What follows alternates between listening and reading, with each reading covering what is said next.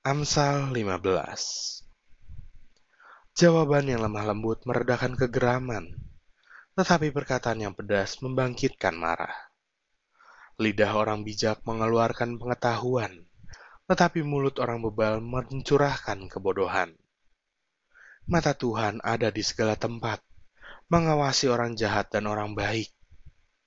Lidah lembut adalah pohon kehidupan, tetapi lidah curang melukai hati. Orang bodoh menolak didikan ayahnya, tetapi siapa mengindahkan teguran adalah bijak. Di rumah orang benar ada banyak harta benda, tetapi penghasilan orang fasik membawa kerusakan. Bibir orang bijak menaburkan pengetahuan, tetapi hati orang bebal tidak jujur. Korban orang fasik adalah kekejian bagi Tuhan, tetapi doa orang jujur dikenannya. Jalan orang fasik adalah kekejian bagi Tuhan, tetapi siapa mengejar kebenaran dikasihinya. Didikan yang keras adalah bagi orang yang meninggalkan jalan yang benar, dan siapa benci kepada teguran akan mati. Dunia orang mati dan kebinasaan terbuka di hadapan Tuhan lebih-lebih hati anak manusia. Si pencemooh tidak suka ditegur orang. Ia tidak mau pergi kepada orang bijak. Hati yang gembira membuat muka berseri-seri, tetapi kepedihan hati mematahkan semangat. Hati orang berpengertian mencari pengetahuan, tetapi mulut orang bebal sibuk dengan kebodohan. Hari orang berkesusahan buruk semuanya, tetapi orang yang gembira hatinya selalu berpesta. Lebih baik sedikit barang dengan disertai takut akan Tuhan, daripada banyak harta dengan disertai kecemasan. Lebih baik sepiring sayur dengan kasih, daripada lembu tambun dengan kebencian. Si pemarah membangkitkan pertengkaran, tetapi orang yang sabar memadamkan perbantahan. Jalan si pemalas seperti pagar duri, tetapi jalan orang jujur adalah rata.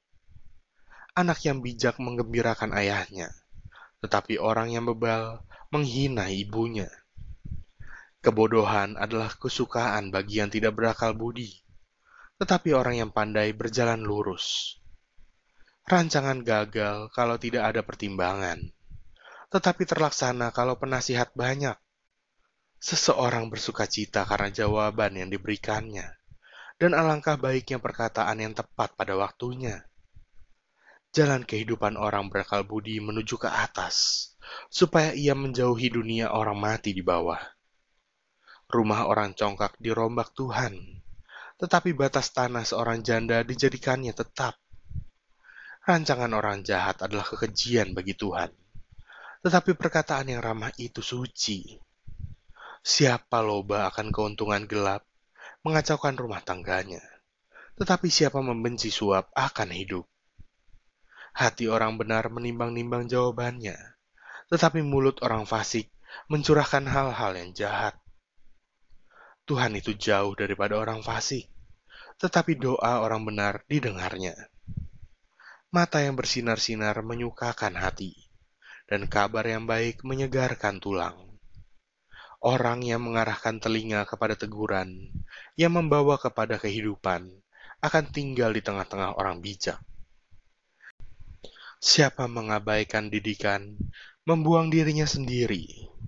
Tetapi siapa mendengarkan teguran, memperoleh akal budi. Takut akan Tuhan adalah didikan yang mendatangkan hikmat, dan kerendahan hati mendahului kehormatan.